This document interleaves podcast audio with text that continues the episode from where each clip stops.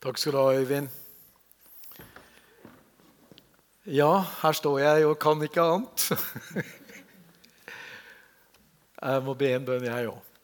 Far i himmelen. Takk at du uh, følger med. Du har ikke mistet kontrollen. Du svetter ikke i hendene når du ser utviklingen.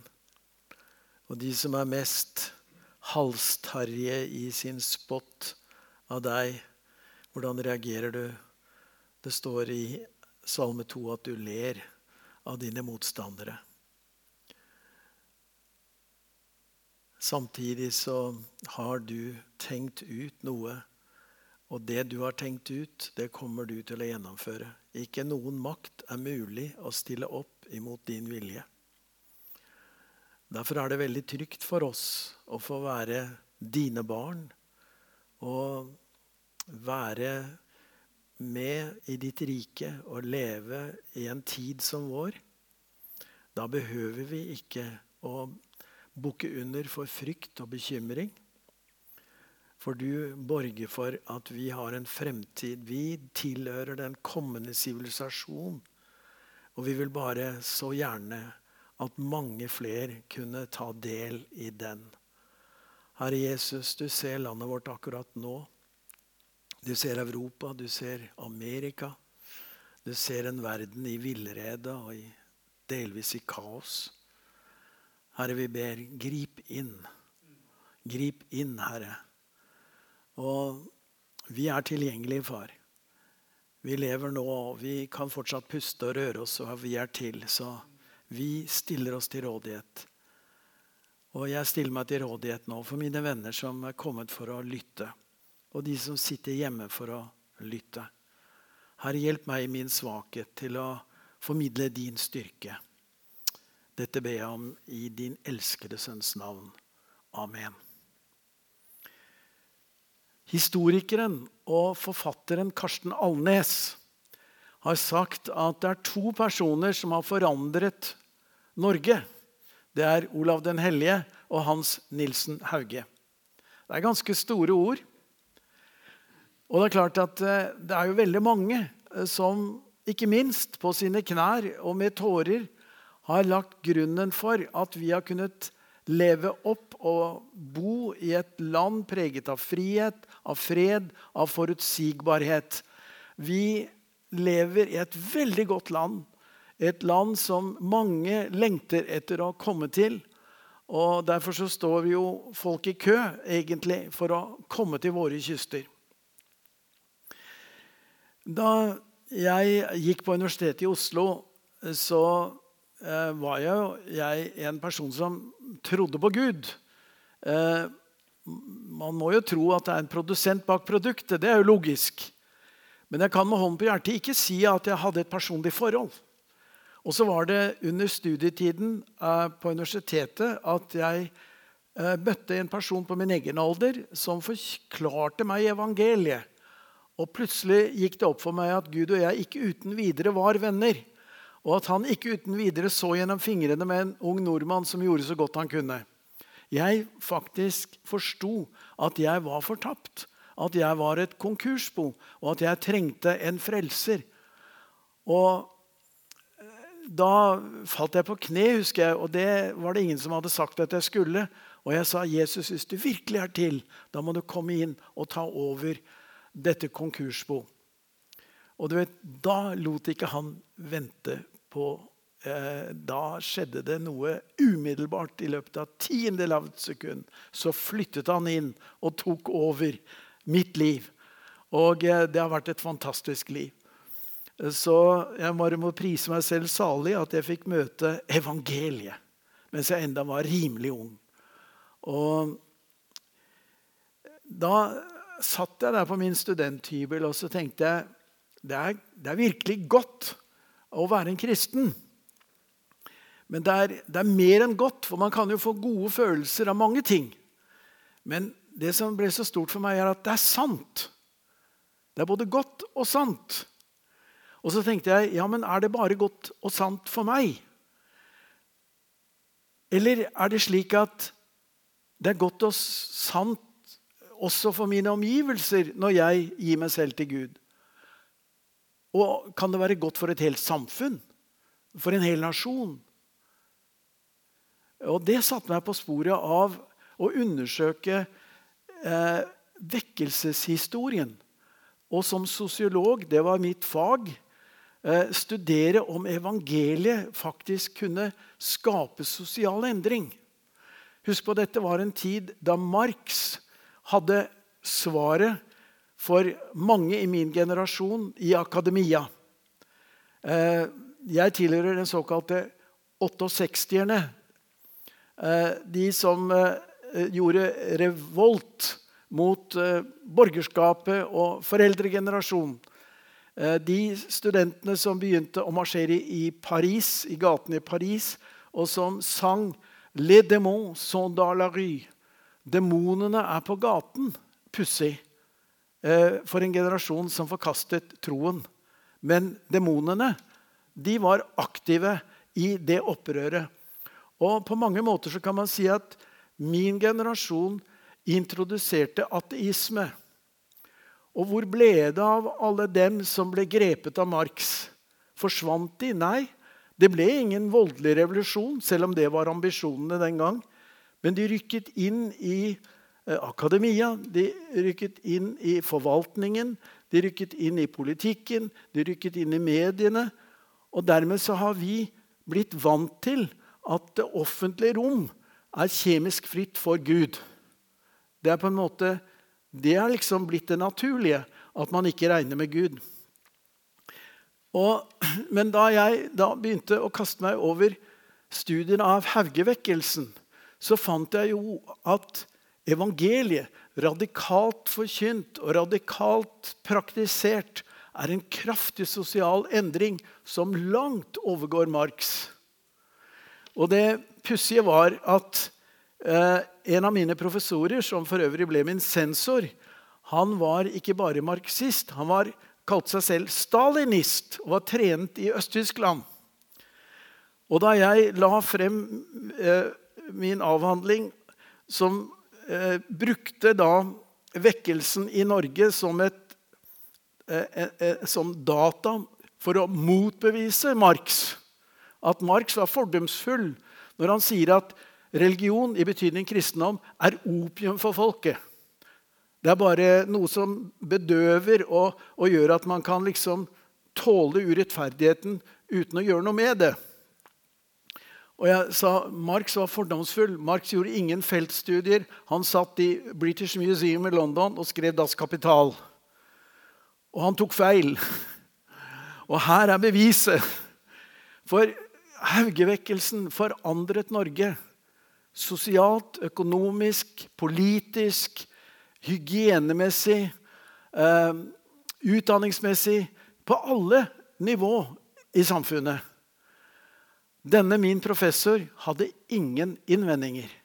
Det syns jeg var påfallende. Men eh, la oss nå ta en titt på det Norge Hauge vokste opp i. For det er klart, når jeg skulle studere dette, så måtte jeg først danne meg et ganske godt bilde av hvordan Norge var før Hauge. Og så sammenligne med hvordan Norge var etter Hauge. Og så prøve å isolere forklaringsfaktorer for den forandring som inntraff i landet. Og kunne single ut at det var faktisk vekkelsen og Hauges virksomhet som var ansvarlig for den positive forandring som skjedde med landet vårt. Og det greide jeg altså å overbevise til og med min professor, som altså var stalinist. Jeg regner med at den som tier, samtykker. Men la oss altså ta en liten titt på det Norge Hauge vokste opp i. Se for deg en fattig, liten nasjon, utarmet og tilbakestående. Få egne institusjoner, ikke noe universitet, ikke engang en fungerende grunnskole. Nasjonen er styrt fra utlandet, altså en koloni, om du vil. Og eh, ni tiendedeler av befolkningen, som var litt under en million, det var bønder. Og de var låst i et strengt standsregulert eh, samfunn den stand du var født inn i, den forble du i til den dødsdag. Og folk var også stedbundne. Der du var født, der vokste du opp, og du flyttet ikke derfra. Hvorfor ikke? For det var ikke lov å reise innenlands uten at du hadde gyldig pass. Og hvem fikk pass? Jo, det var handelsmenn og byråkrater. Altså Ni tiendedeler av befolkningen hadde ikke sjans på egentlig å forflytte seg. Så det man kjente til, det var grenda og bygda. That's it. Eh, det er ikke bare eh, krevende og umulig å, flytte på seg. Men det er også slik at folk har ikke lov til å møtes uten at en embetsmann, en av myndighetens representanter, er til stede for å kontrollere. Mange er uten lese- og skriveferdigheter. Målet er livberging med stadig uår og feilslåtte avlinger. Det landet jeg beskriver, er det landet min oldefar vokste opp i. Min oldefar var en tenåring da Hauge døde i 1824. Kanskje du tenker er det mulig? Er du så gammel? Men hvordan var den åndelige situasjonen i Norge på slutten av 1700-tallet? Hauge var født i 1771. Derfor er det til neste år 250-årsjubileum for hans fødsel, og det skal feires på forskjellig vis. Jo, da var Kirken preget av rasjonalismen, eller opplysningstiden, der forstanden var opphøyet til øverste autoritet. Så det i Bibelen man ikke uten videre umiddelbart kunne forstå, det ble radert ut, så som eksempelvis alle undrene. Tiden var også preget av en voldsom reaksjon mot pietismen.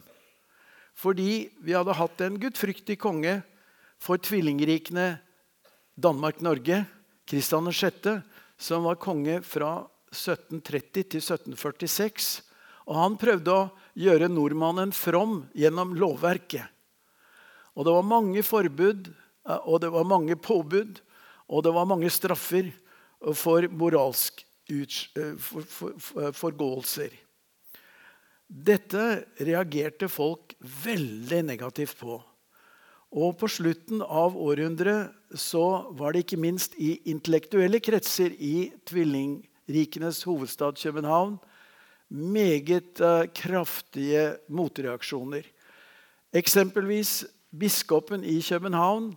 Når han sto og skulle forsvare troen på prekestolen i Københavns domkirke, så ropte folk opp upassende ord fra benkeradene som man knapt kunne høre biskopen. Og Likevel var det bare lite mot det som ble skrevet og skreket utenfor kirkemurene. Den eh, kjente samtidige grev Edel Jarlsberg foreslo i fullt alvor at man skulle kvitte seg med kirken og geistligheten som han hadde gjort i Frankrike etter revolusjonen. Han som var biskop på denne tiden i Kristiansand, siden vi er i nærheten av storbyen, metropolen Kristiansand, så avsluttet han en preken i Kristiansands domkirke på denne måten, og jeg siterer hver ærlig norsk og dansk borger anroper Odin den allgode om hell for sin elskede Frode. Hill, hill, Christian Fredrik. Oi. Ble det var, det, var det sånn man avsluttet preken den gang? Det gir vel en liten indikator på hvordan situasjonen var.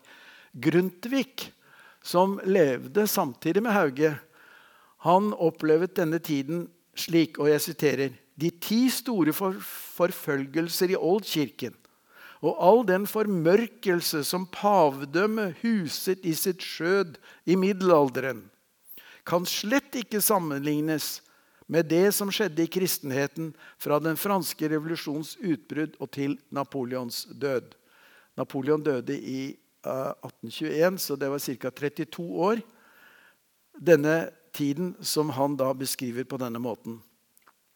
Den franske revolusjonen, som uh, skjedde i 1789, rystet naturlig nok alle kongehusene i Europa. og man fryktet for folkelige opprør. Kirkesøkningen var gått dramatisk tilbake i Norge. Det var få som faktisk eh, søkte til kirkene. Og det hadde jo vært slik at man var nærmest tvunget til å gå i kirken tidligere på, i hundreåret. Det er vår i Norge. Dagen er 5. april, året er 1796. En ung mann som nettopp har fylt 25 år, går og pløyer borti Østfold. Og Det at han pløyer, det sier noe om at Østfold var antageligvis en mer fremskreden del eh, når det gjaldt jordbruk i Norge. For eh, på Jæren så gikk de og hakket i bakken på den tiden. I baklomma har han Nytestamentet. Han går og synger bak plogen. Og når han har hvilestunder, så setter han seg ned og tar frem Nytestamentet og leser. Han lengter etter et møte med Gud. Jo visst er han kaldt, som de gamle sa. Far hadde jo husandakt både morgen og kveld. Så det sto ikke på det. Men han, han, han hadde ikke en, en, forløst tro. Han gikk og slet med mange eh, ambisjoner. og Han ønsket å bryte ut av den fattigdommens eh, fengsel som han følte på.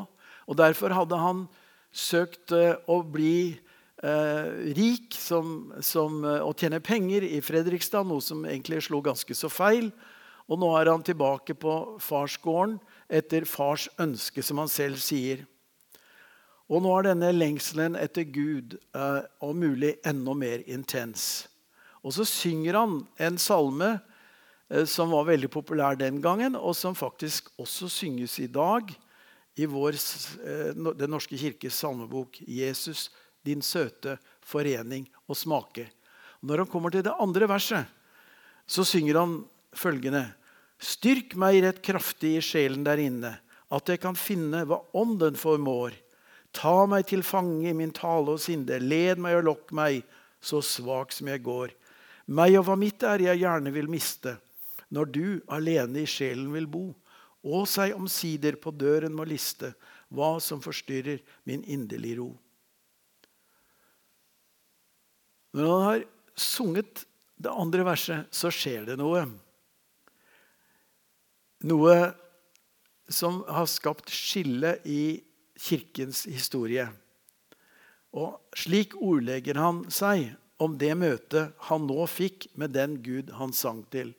Og nå siterer jeg nå ble mitt sinn så oppløftet til Gud at jeg ikke sanset meg, sier han. At min sjel følte noe overnaturlig, guddommelig og salig. At det var en herlighet ingen tunge kan utsi. Det minnes jeg så klart som om det skulle ha skjedd for få dager siden. Men det er nå gått 20 år siden Guds kjærlighet så overvettes besøkte meg. Ingen kan fradisputere meg dette, sier han. For jeg vet alt det gode i min ånd som fulgte på fra denne stund. Især den inderlige, brennende kjærlighet til Gud og min neste.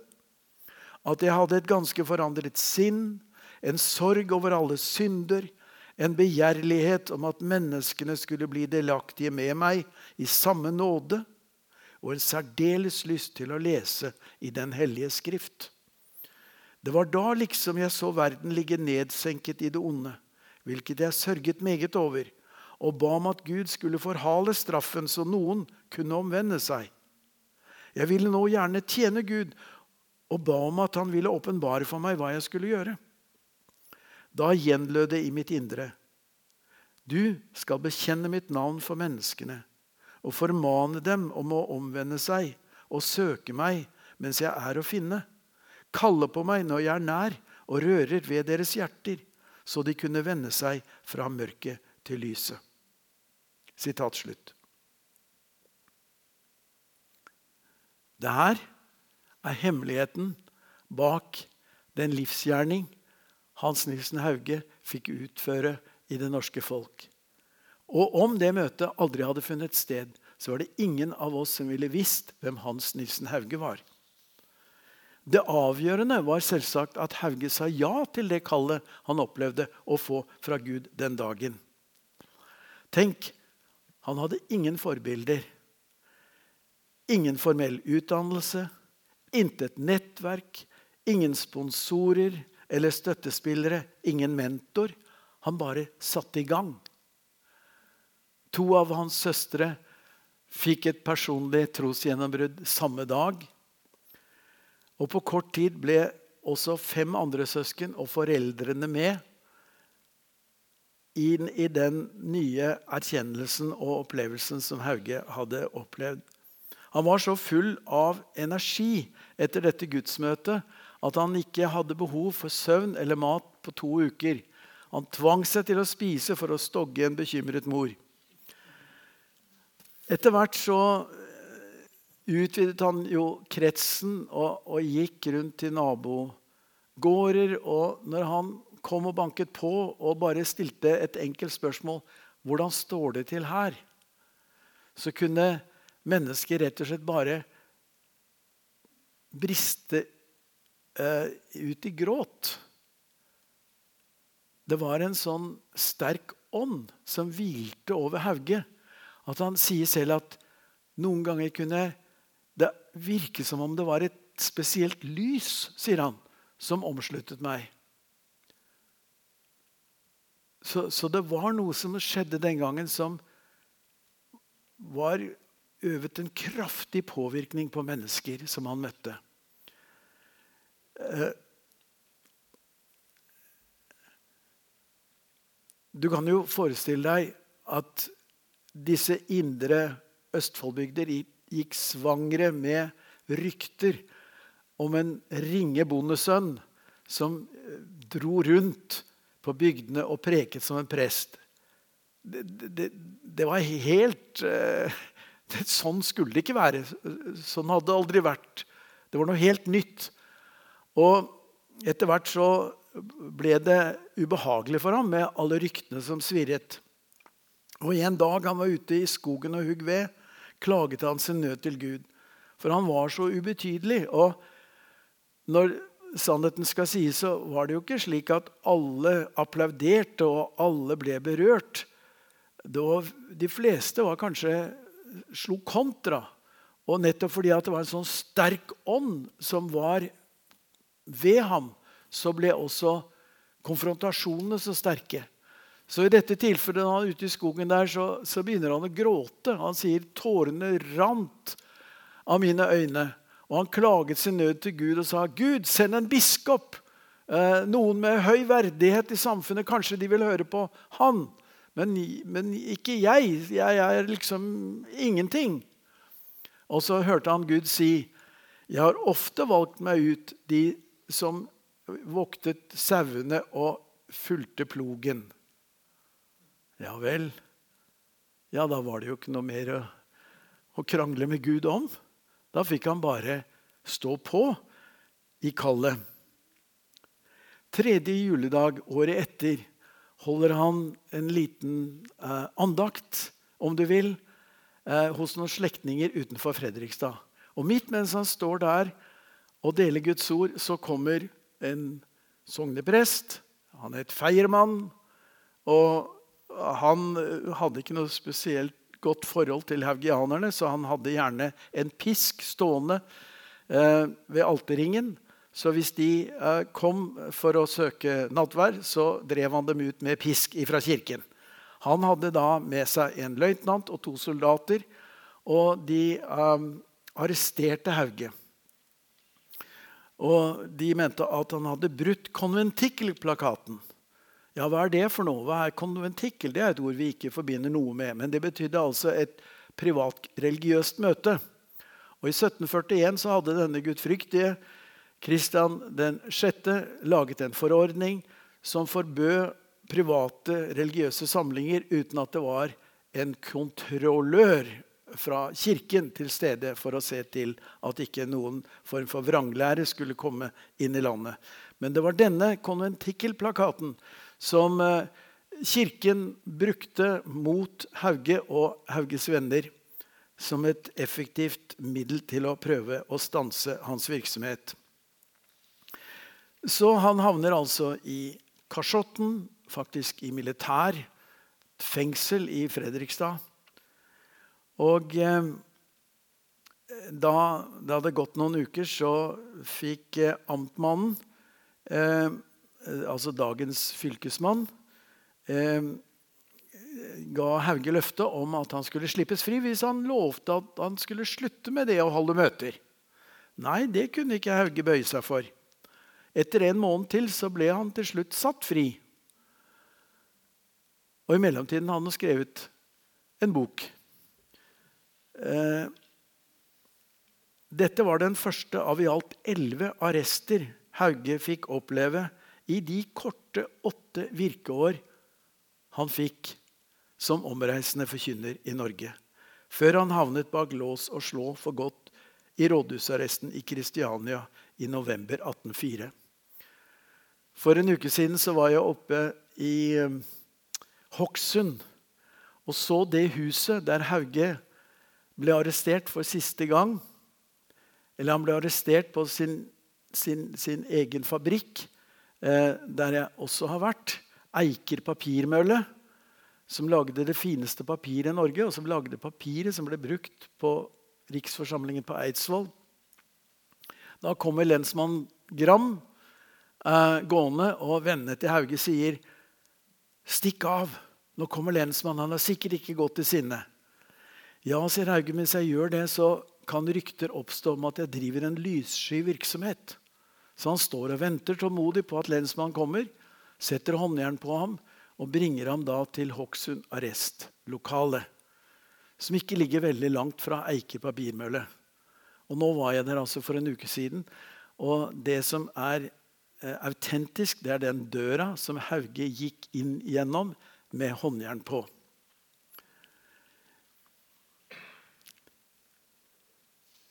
Allerede uker etter at Hauge hadde hatt dette første avgjørende møtet med Gud, på vårparten 1796 så skrev han sin første bok. Han ville redegjøre for hvordan mennesker kunne få fred med Gud. For det hadde jo prestene forsømt, mente Hauge. Og samtidig gjendrive alle de falske ryktene som gikk om ham og hans person. Han hadde tatt et ganske så skarpt oppgjør med geistligheten, som han mente ikke gjorde jobben sin, og i mange tilfeller var dårlige vitner gjennom sin livsførsel. Han lot sin eldre bror Ole, som var lensmann, lese gjennom manuskriptet. For Hauges ortografi var svært mangelfull. Og så sier Ole, 'Du kan ikke skrive slik, Hans. Da havner du i fengsel.' Hauge ble anfektet. Men var det ikke sant, det han skrev? Og var det ikke slik at Jesus og hans disipler og ikke minst profetene i Det gamle testamentet hadde vært ganske så skarpe i sitt oppgjør med sin samtids åndelige ledere. Og Skulle han gå på kompromiss med det han følte han måtte påtale bare for å redde sitt eget skinn? Nei, det fikk stå som han opprinnelig hadde skrevet. Han stappet manuskriptet i skreppa og gikk til Kristiania. Og Etter hvert som han nærmet seg hovedstaden, så ble han spakere og spakere. Og det var, sier han, som om djevelen fotfulgte ham og talte hånende til ham og sier, 'Hvem tror du du er, en noksagt fra landet, skal komme her og, og refse din samtids ledere?' Og han var en nokså eh, spak og eh, lite frimodig person da han banket på Jens Ørbekk Bergs trykkeri i Rådhusgaten, for øvrig det eneste i hovedstaden, og la sitt manuskript frem for boktrykkersvennen. Og han tittet på arkene og bladde litt og så og ristet på hodet og sa nei, nei, nei, sånt gudelig stoff, det vil ikke folk lese. Det er helt uinteressant. Du må skrive lystige viser og spennende historier. Det kan det være at kanskje folk vil bry seg om. En slukøret Hauge tuslet av gårde, men møtte opp igjen neste dag, og da var boktrykkeren der. Og da Hauge la 13 oppsparte spesidaler på bordet foran boktrykkeren, så var plutselig alt mulig. Hauge fikk trykket sin første bok. Den første av i alt 37 bøker som han fikk utgitt. Trykket og utgitt. Og de har kommet ut i et opplag, har kirkehistorikeren Ivar Velle regnet må ha kommet i et antall på 250 000 x. Hauge var landets mest leste forfatter og største forlegger.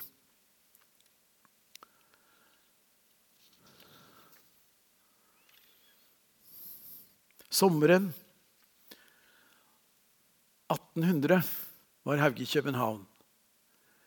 Det var ikke trykkerikapasitet nok for alt han ville ha trykket i Norge.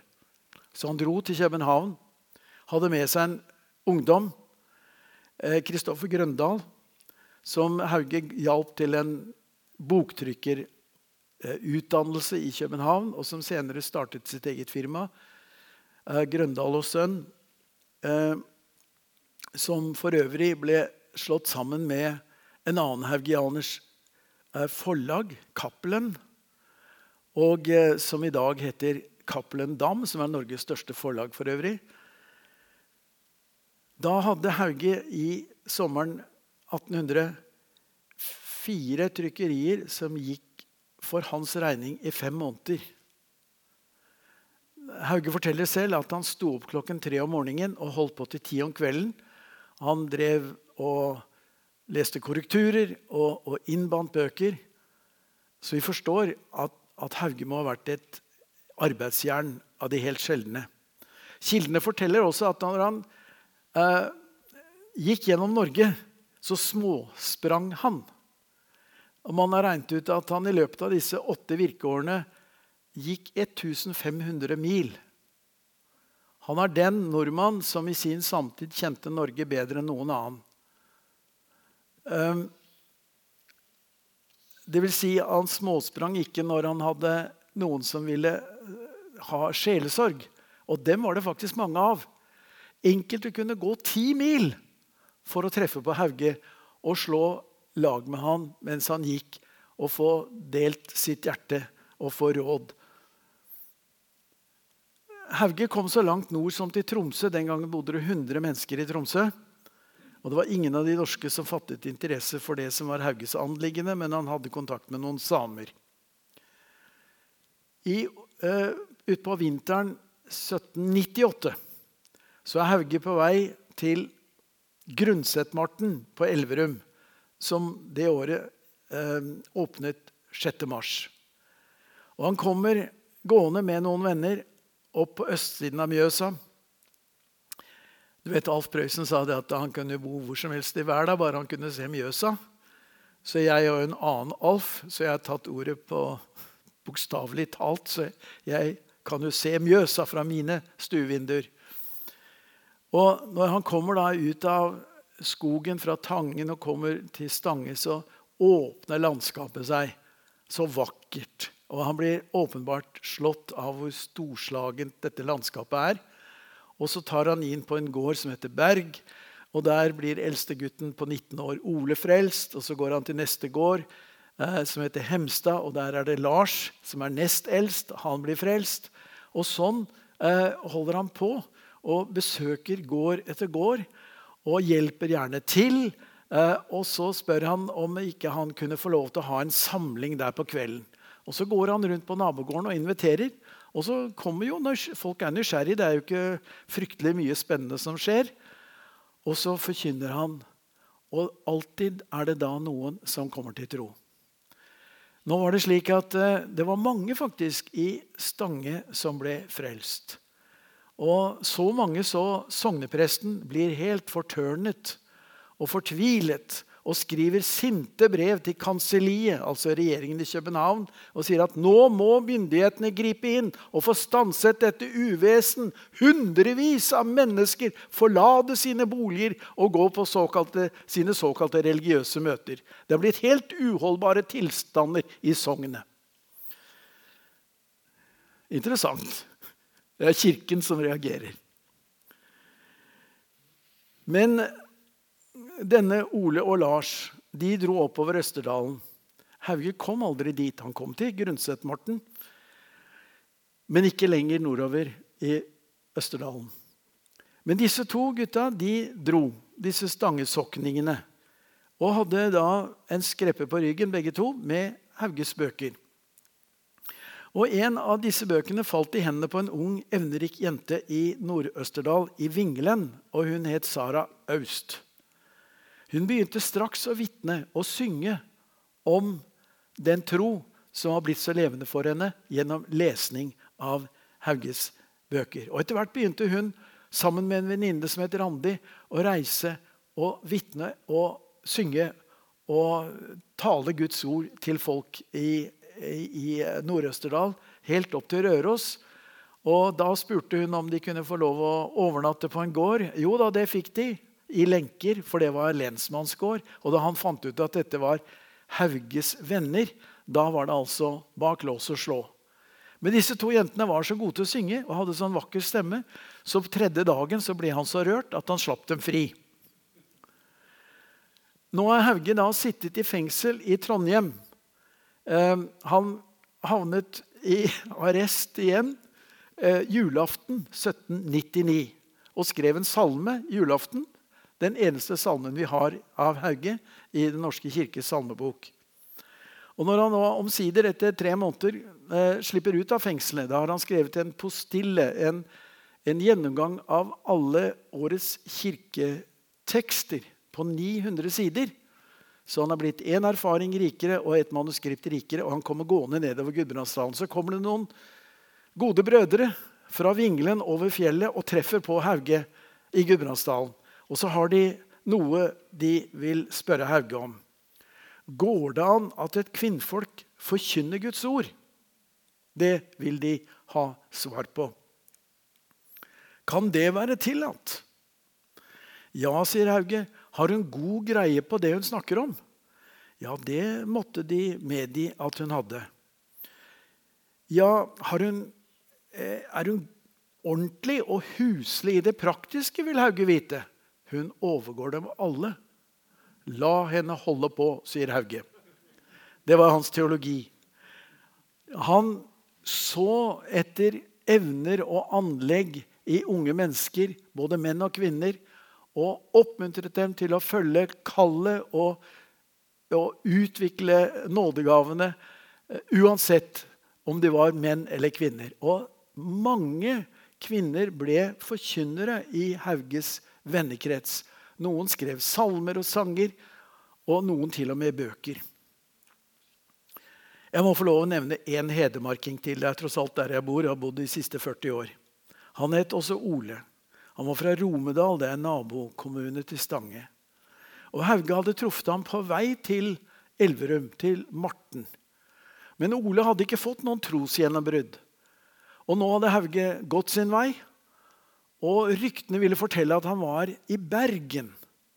Men hvem visste hva Bergen var, og hvor Bergen var? Men Ole han ville gjerne få treffe Hauge igjen og få snakke om sin salighetssak. Så han ga seg ikke, spurte og grov, eh, og kom omsider til Bergen. Fikk treffe Hauge og fikk eh, svar på sine mange spørsmål. Men så hadde Hauge gitt seg vei nordover langs Mørekysten. Og etter en stund så fikk Ole sånn hug etter å finne Hauge igjen at han la i vei etter Hauge.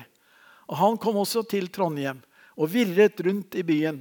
Og da han så Willum Stefansens boktrykkeri, så ante han at kanskje han her kunne komme på sporet av Hauge. Han går inn og ser Hauges manuskript av sin salmebok og blir veldig opprømt og spør eh, hvem kan fortelle meg hvor denne eh, forfatteren befinner seg. Men Hauge hadde sett Ole komme og gjemt seg bak døren. Og nå trådte han til bakfra, la hendene over øynene på Ole og lurte på om Ole kunne dra kjensel på hvem dette kunne være. Et nytt sammentreff, og vennene frydet seg sammen. Denne Ole han eh, ble Hauges fremste bokselger og kolportør. Et veldig fint ord. Han gikk altså med Hauges bøker på ryggen til han ble helt krokrygget som 50-åring. Og Da giftet han seg med Marte, som var kommet til tro nettopp på Grundset-Marten. Og de laget et, eh, et, hjem der oppe i Furnesåsen som ble et tilholdssted for haugevenner og forkynnere på gjennomreise. Hvordan var Hauge som forkynner, mon tro? Biskop Johan Nordahl Brun i Bergen ble regnet som en orator, som en stortaler i samtiden. Og når han skal beskrive haugianerne i et brev til kanselliet i København, så har han følgende å si deres bøker er høyst elendige og usammenhengende. De er jammerlige talere og vinner kun de høyst enfoldige. De er nesten alle bløtaktige uslinger. Den minst kraftfulle del av nasjonen og kunne således aldri bli farlige for staten. Sitat slutt. Rørende. Så ille var de neppe. Og det er antageligvis eh, slik at eh, Brun aldri hørte Hauge forkynne. Dertil var den sosiale avstand altfor stor. Men han holdt sin hånd over Hauge, så han fikk holde på i sitt bispedømme. Og eh, det var jo nettopp til Bergen at Hauge tydde og startet sin handelsvirksomhet i året 1801. Og hvorfor gjorde han det?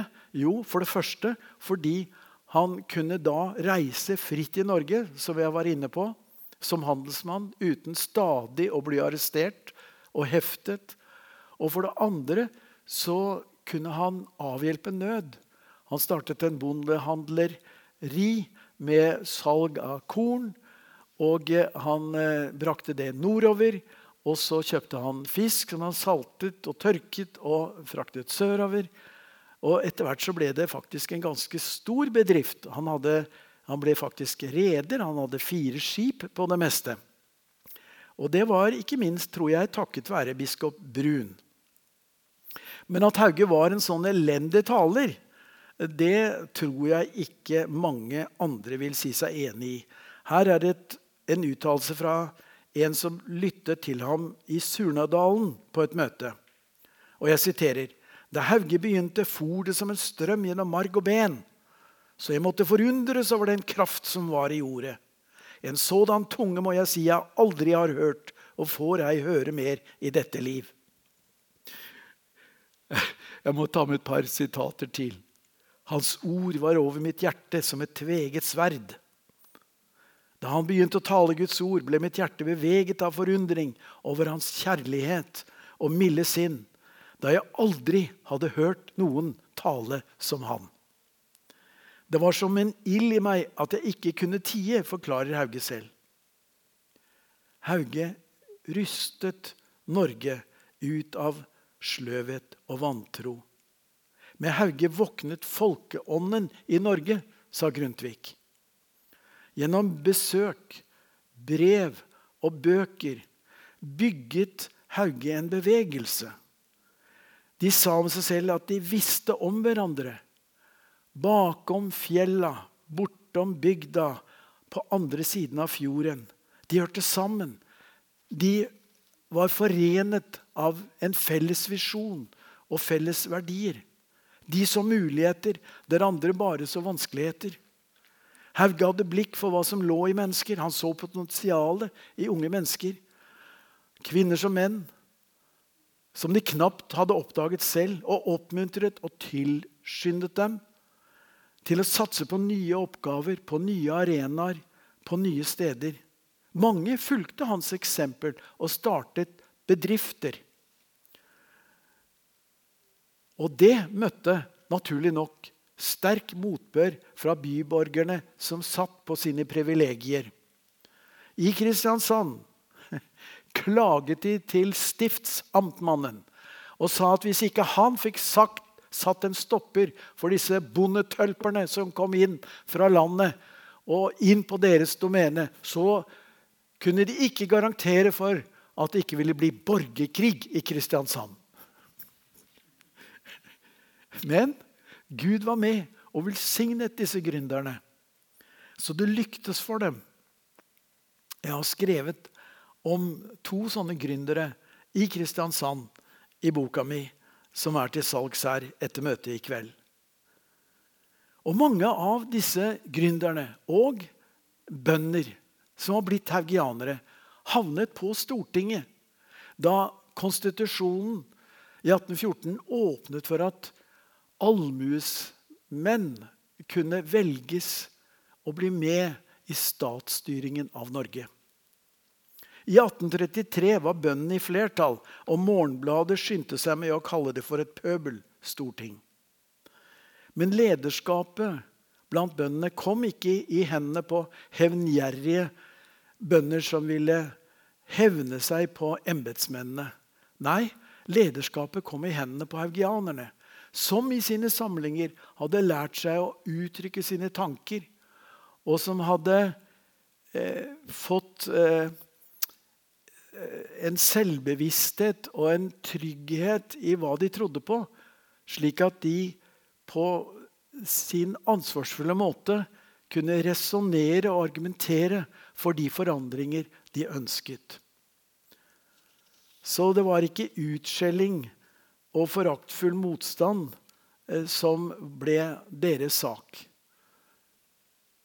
De hadde opparbeidet seg tillit ute blant folket i lokalsamfunn etter lokalsamfunn gjennom sin livsførsel og sin flid og sin arbeidsomhet. De ble faktisk en ny elite i ordets beste betydning. Foregangsmenn og -kvinner som andre så opp til og ville etterligne. De ble nye førere som folket valgte som sine tillitsmenn til eh, tillitsverv i landet. Jeg har stilt meg selv spørsmålet Ville Norges selvstendighet og Grunnloven vært mulig uten Guds inngripen? Og ville Gud ha grepet inn uten folkets omvendelse og bønn? Jeg tror det er mulig å se Guds hånd eller Guds finger i begivenhetene med troens øye. Nå skal vi huske på at det var stor nød i Norge under napoleonskrigene. Det var jo slik at uh, den dansk-norske kongen hadde valgt side for Napoleon. Og dermed hadde vi fått en fiende i øst, Sverige, og en fiende i vest, England. Og nå var Napoleon slått. Og uh, den uh, nyvalgte kronprins i Sverige med sin krigsvante hær sto på kontinentet og ble under Chilefreden belønnet med at han skulle få Norge. Og den danske kongen straffet ved at han måtte gi slipp på Norge. Da var det en kort periode, et, et vindu, om du vil. Og her er det jeg tror I denne perioden så tror jeg at disse nye kristne i Norge de Tidligere så hadde man jo gått til han far. Hvem var det? Kongen i København og klaget sin nød over embetsmennene og tingenes tilstand. Den var blokkert nå. Nå gikk det et skritt opp. Det gikk til han far i himmelen med sin nød. Det var jo slik at engelskmennene la blokade rundt våre kyster. Dermed så ble det ikke mulig å innføre korn. Vi var helt avhengig av, og ikke minst salt, man trengte for å konservere kjøtt og fisk. Det var nød så det holdt i Norge. Folk døde av sult, og man tydde til barkebrød for å stogge den verste sulten. Eh, Hauge spurte om ikke han kunne få slippe ut av fengselet og være til nytte i denne tiden. For han trodde at han kunne bygge saltkokerier langs kysten. Og i motsetning til alle eh, forespørsler om å få komme ut i, fra fengselet som ble trenert og alltid avslått. Så i løpet av dager så fikk han et ok fra myndighetene, og ut dro han. Og startet saltkokerier. Blant de første, det, det, første det var utenfor Lillesand, på Kiddholmen. som Etter det at Hauge skapte et saltkokeri der, het, den heter nå Saltholmen. Og så beveget han seg langs kysten. Dette var i året 1809. Og midt mens han holder på å utbedre et saltkokeri i Sunnhordland, så får han ordre om å vende tilbake til cellen, for nå skal rettssaken fortsette. Altså, folk ropte til Gud. Og sommeren 1813 så går en dansk prins forkledd som matros eh, i land på Hvaler. Og han er den som får startet denne selvstendighetsbevegelsen i landet. Og han er den som får ordnet med valg av 112 representanter til en riksforsamling på Eidsvoll våren 1814. De samlet seg første påskedag i Eidsvoll kirke for å be til Gud om hjelp til å forfatte en konstitusjon for landet. Og det handlet raskt. I løpet av seks uker så var Grunnloven ferdig skrevet. Og 19. mai så valgte de eh, Fredrik til ny konge i Norge. For første gang på 434 år var det en norsk forsamling som valgte en konge for Norge. Og det var Kristi himmelfartsdag, og de på ny gikk til Eidsvoll kirke. Denne gang for å takke Gud. Og idet de ankommer kirken, så bryter solen gjennom skydekket, og kongen snur seg til mengden som står utenfor, og sier han, så sier han selv himmelen smiler til oss i dag. Interessant er det at Karsten Alnes kaller boken om 1814 for miraklenes år. Det året hadde Norge hatt tre konger. Først Fredrik 6., så Christian Fredrik. Og så måtte vi, etter at Christian Fredrik abdiserte og ikke ville føre en ødeleggende krig med Sverige, eh, så valgte Stortinget Karl 13. Eh, til konge. Så vi hadde altså tre konger på ett år. Og Grunnloven fikk vi faktisk beholde med små endringer inn i den nye unionen. Og De gamle sa om Bibelen og Grunnloven at det var det norske folks øyenstener. Slik så nok både kong Haakon og kronprins Olav det da de begge talte til det norske folk 17. mai 1945. Kongen fra London tidlig på dagen og kongen fra Slottet på ettermiddagen. Og De begge oppfordret det norske folk til å takke Gud fordi han hadde stått oss bi gjennom tunge krigsår. Men tilbake til Hauge, som nå venter på sin endelige dom, som falt lille julaften 1814 og lød på 1000 spesidaler sølvverdi og et tilsvarende beløp i saksomkostninger. Det var 1 promille av statsbudsjettet og trolig norgeshistoriens største justismord. Mens jeg satt på Universitetet i Oslo og leste og studerte hans liv og virke, så var det en dag som om jeg plutselig var til stede i cellen. For etter at han da var fakket av lensmann Gram og brakt til Hokksund arresthus, der han sitter med lenker og skriver brev til sine venner. Så en natt får han beskjed at nå skal han til rådhusarresten i Kristiania. Og eh, det var et forferdelig fangehull. Det kan man fortsatt se på Bygdø folkemuseum. Og da jeg var der og holdt et foredrag for noen nordiske venner, så fortalte eh, guiden meg at det var det mest besøkte rom på Folkemuseet på Bygdø. Hauges arrestlokale. Der satt han, og det første året fikk han bare trekke frisk luft tre ganger. Han ble hindret fra å lese Bibelen. Han fikk ikke penn og papir. Han eh, ble isolert fra vennene. Og eh, han led. Ehm, og det var eh, akkurat som om jeg plutselig, mens jeg sitter på Blindern og studerer, så var det som om jeg var til stede i cellen. Og han som hadde altså vært så aktiv og så sterk eh, på toppen av sin manndomsstyrke, da havnet der og og opplevde den, den, ensomheten, så var det som om jeg på en måte var en tilskuer til en scene.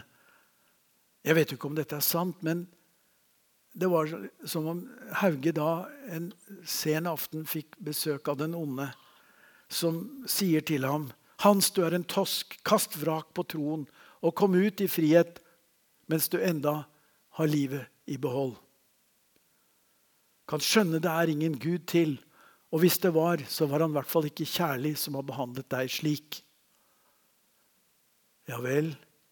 Og så var det, som jeg hørte, en annen stemme, mye mildere, som sier Hans. Husker du den sangen du sang for mange år siden? Meg og hva mitt er, jeg gjerne vil miste, om du alene i sjelen vil bo. Jeg vet du mente det. Det var derfor jeg møtte deg så kraftfullt. Men kan du synge den også i dag? Du har mistet tjenesten. Du har mistet bedriften. Du har mistet helsen. Du har mistet vennene. Du er ribbet for alt.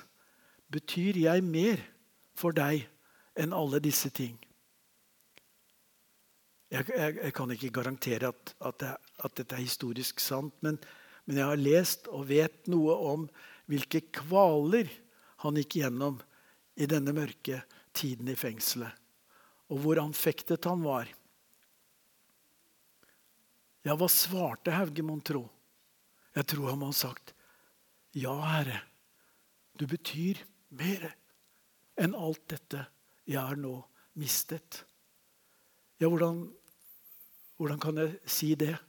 Jo, for han kom ut etter disse mange år som en ødelagt mann helsemessig sett, men han var ikke bitter. Han fikk leve ti år. Han ble gift med Andrea. De fikk en sønn. Hun døde i barsel. Så halvannet år senere ble han gift på ny med Ingeborg. Og de fikk tre barn sammen. Alle døde som små. Det er vår igjen i Norge. Hauge er akkurat fylt 53 år. Året er 1824. Og han ligger til sengs. Og Ingeborg strever med å høre hva han For det er noe han ville ha sagt. Og hun bøyer seg ned og hun hører han si 'følg Jesus'. Og så tar han seg kraftfullt sammen og løfter seg opp i sengen og så sier han 'O du evig gode Gud'. Og så dør han. En kjempe var falt i Norge.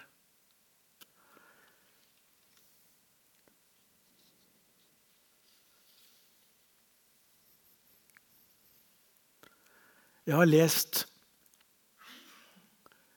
509 brev som er bevart etter Hauge. Og når jeg leser disse brevene, så, så blir jeg så grepet.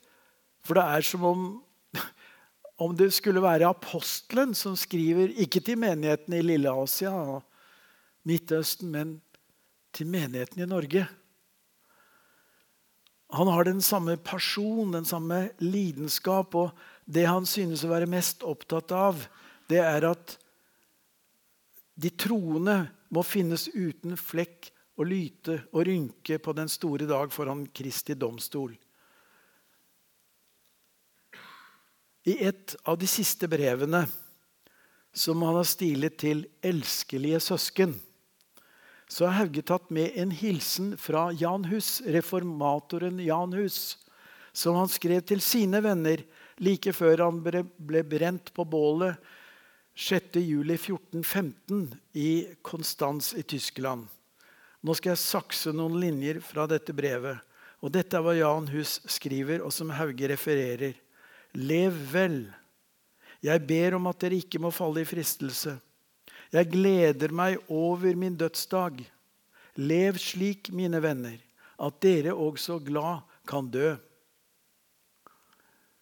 Så skriver Hauge. Jeg vet ikke om dere elskede søsken har sett ovenstående brev fra en kristens siste oppmuntring. Jeg kjenner hele hans historie og vet at han var en av de viktigste som la grunnen til at Guds ord kom til oss, og viste Luther veien til sannhet. Han var så ren i lære og levnet og viste seg som en fullkommen kristen både da han ble dømt, bespottet, forbannet av de onde og endelig brent. Jeg synes han formaning og døds eksempel kan settes blant de edleste kristnes eksempel. Og så sier han, O salige er de som lever slik. O usle verdens lyster, rikdom og verslige begjærligheter. Akk, hvor rik er de sanne troendes sjeler, som lever hver dag for å beredes til evigheten, for å samle sine skatter i himmelen, og som trakter dit med alle sine hensikter. O, hvem vil tenke på å velge den beste del, som ei skal tas fra oss? Måtte vi leve så vi kunne motta dødens budskap med glede.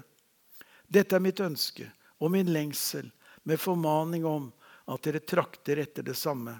Fra eders broder og venn Hans Nilsen. Bredtvet. Det var der han bodde på slutten av sitt liv. Himmelens Gud satte et avtrykk i denne nordmanns sjel så kraftfullt at sporene har satt varig preg på norsk kristenhet og samfunn i alle årene siden. Vi har ikke hatt noen større enn ham. Det er på tide det går opp for oss, sa dikteren Alexander Kielland om Hauge. Og så er jo det spørsmålet som Øyvind nevnte innledningsvis i kveld. Kunne det hende, kunne det være mulig at vi enda en gang skulle kunne oppleve en gjennomgripende vekkelse i vårt folk i dag. Nå er det slik at vekkelser kommer sjelden i gode tider. Jeg har lest om den siste virkelige vekkelse i Europa som begynte i, midt i desember 1949, på Hebridene der ute vest i havet. Og Det har sammenheng med at det var to søstre. Kristine het den ene, og eh, Peggy tror jeg het den andre, og det het Smith til etternavn. og Den ene var 84 år, og den andre var 82.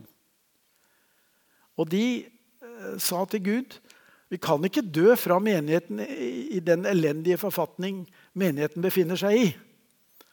Noe må skje, Gud. Du må gripe inn. Og så begynte de å be en fredag i uken. Og fikk med seg noen eh, ungdommer. Og så var det en frikirkepastor som hadde fått med seg seks menn. Og de var like grepet av nød over tingenes tilstand. Det var få som søkte kirken. Ingen ungdom syntes interessert i gudstjeneste. Hva skulle de gjøre? Og så tenkte de vi griper fatt i et løfte. For Gud er paktens Gud. Og så fant de dette ordet i 2. krønike 7,14, hvor de sier at dersom mitt folk, som mitt navn er nevnt over, gjør fire ting Ydmyker seg, ber, søker meg og vender om fra sine onde veier, så vil jeg tilgi dem deres synd og lege deres land. Og så sa de til hverandre og til Gud Gud, du er en paktens Gud. Dette står svart på hvitt. Dette har du sagt. Og nå skal vi gjøre vår del. Vi skal gjøre disse fire tingene. Vi skal omvende oss. Vi skal søke deg. Vi skal be, og vi skal omvende oss. Da er du nødt til, Gud, å svare. Og de bestemte seg for at vi kommer til å be inntil noe skjer. Og det gikk måneder. Så en kveld ryster huset der de er forsamlet, og vekkelsen bryter løs. Folk blir frelst i kirken, utenfor kirken, på puben, på kjøkkengulvet, i grøftekanten. Den mannen som Gud brukte den vekkelsen, het Duncan Campbell. Og jeg har en kassett hjemme. Kassett, vet du, det, det er mange år siden. Hvor han forteller om den vekkelsen. Han forteller at det var en spesiell dag da de hadde utendørsmøte, og 3000 mennesker overga seg til Gud. Og da hørte de englene synge, sier han. Det var pastorer som var fløyet inn fra Amerika. og som også bevitnet dette. Det, det er jo slik at Når én synder omvender seg, så er det stor glede i himmelen, sa Jesus. Og Her var det altså 3000, og gleden i himmelen blant englene var så kraftfull at de hørte sangen på bakken. Det, den vekkelsen skjedde, førte til at hele samfunnet var berørt. På øya Louis så var det ikke én familie som ikke var direkte berørt av vekkelsen. Fantastisk. Og så tenker jeg er ikke Gud den samme? For to uker siden så var jeg i det sørøstlige delen av Norge og møtte en gjeng menn, godt voksne menn, kan man si, som hadde kommet med i den siste store ungdomsvekkelsen i Norge tidlig på 70-tallet. Og nå hadde de fått sånn nød for de av sine venner som var sklidd bort ifra Gud. Og så bestemte de seg for at nå må vi be, slik at de kan komme tilbake til Gud. Og vi kan lage noen møter som vinner gjenklang i deres hjerter. Og nå har de bedt i to år. Og de ber flere ganger i uken. Og de ber med tårer, og desperasjonen vokser. Og nå er det ikke bare de som var venner og som hadde glidd bort, men nå har de en nød for ungdommen. At det kan bli en gjennomgripende vekkelse i den delen av landet. Hvorfor skulle det ikke begynne her, sier de. Det var jo her Hauge-vekkelsen begynte. Jeg ble berørt. Og jeg tenker, det her er ikke et menneskepåfunn. Når du ber møte etter møte, uke etter uke, måned etter måned, år etter år. Da må det jo skje noe. Da må jo Gud gripe inn. For Gud vil jo at alle mennesker skal komme til sannhetserkjennelse og bli frelst. Det står så i første brevet til Timotius i det andre kapittel. Så Guds vilje, den er vi klar på. Men finner han noen som kan forene sine hjerter med Guds hjerte, som kan ta tillate Guds ånd å legge den nøden ned i deres hjerter. At de forsaker bekvemmelighet og komfort og sier Gud, landet vårt er i nød. Da jeg var ung, så gikk halvparten av barna i Norge i søndagsskole. 365 000. I dag er det 35 000.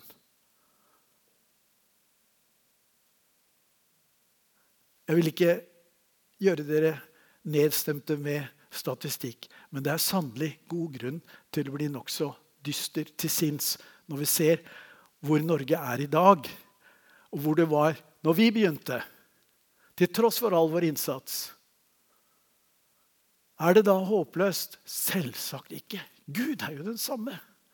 Og jeg tror at det i dag blant unge mennesker som kanskje er helt blanke, som ikke har lært katekisme, som ikke har lært Fader vår, som ikke kan noen salmer, som kanskje Som en venn av meg som har drevet konfirmantarbeid i 15 år, og spør konfirmantene kan dere noen navn fra Bibelen. Ja, Det de fleste kan, det er Adam og Eva, og de har hørt om Jesus. That's it. Men vi fornemmer, og jeg hører fra andre, at det er en ny lengsel i unge mennesker selv om de er helt blanke og ikke kan noen ting, så er det en åpning nå. Jeg tror at vi kan stå på terskelen til et enormt gjennombrudd i Norge. En ny generasjon som søker Gud. Og Det som var min utfordring til de kristne i det sørøstlige Norge, der jeg talte for to uker siden der, Kan vi være til hjelp og stille opp og omfavne dem, selv om de kommer med så mye rar bagasje og så mange rare forestillinger og sånn oppførsel og tar plassen vår i menigheten. Hvordan greier vi å takle det? Kan vi virkelig ta imot dem? Vil vi ha vekkelse? Kjære Far i himmelen. Jeg takker deg og priser deg at du er på ferde i landet vårt. Du har på ingen måte gitt oss opp som folk, som nasjon. Jeg ber, far, at du skal velsigne denne menigheten og lederskapet her. Og alle menighetene i byen Kristiansand og området rundt, hvor det skjer så mye positivt nå. Hvor mange nye kommer til. Å, kjære Far i himmelen, besøk oss. Hellige kom ned over bygd og by og let deg frem til søkende, lengtende mennesker. Slik at de kan komme til tro på deg, og vi kan se en ny vår for din kirke i Norge. Amen.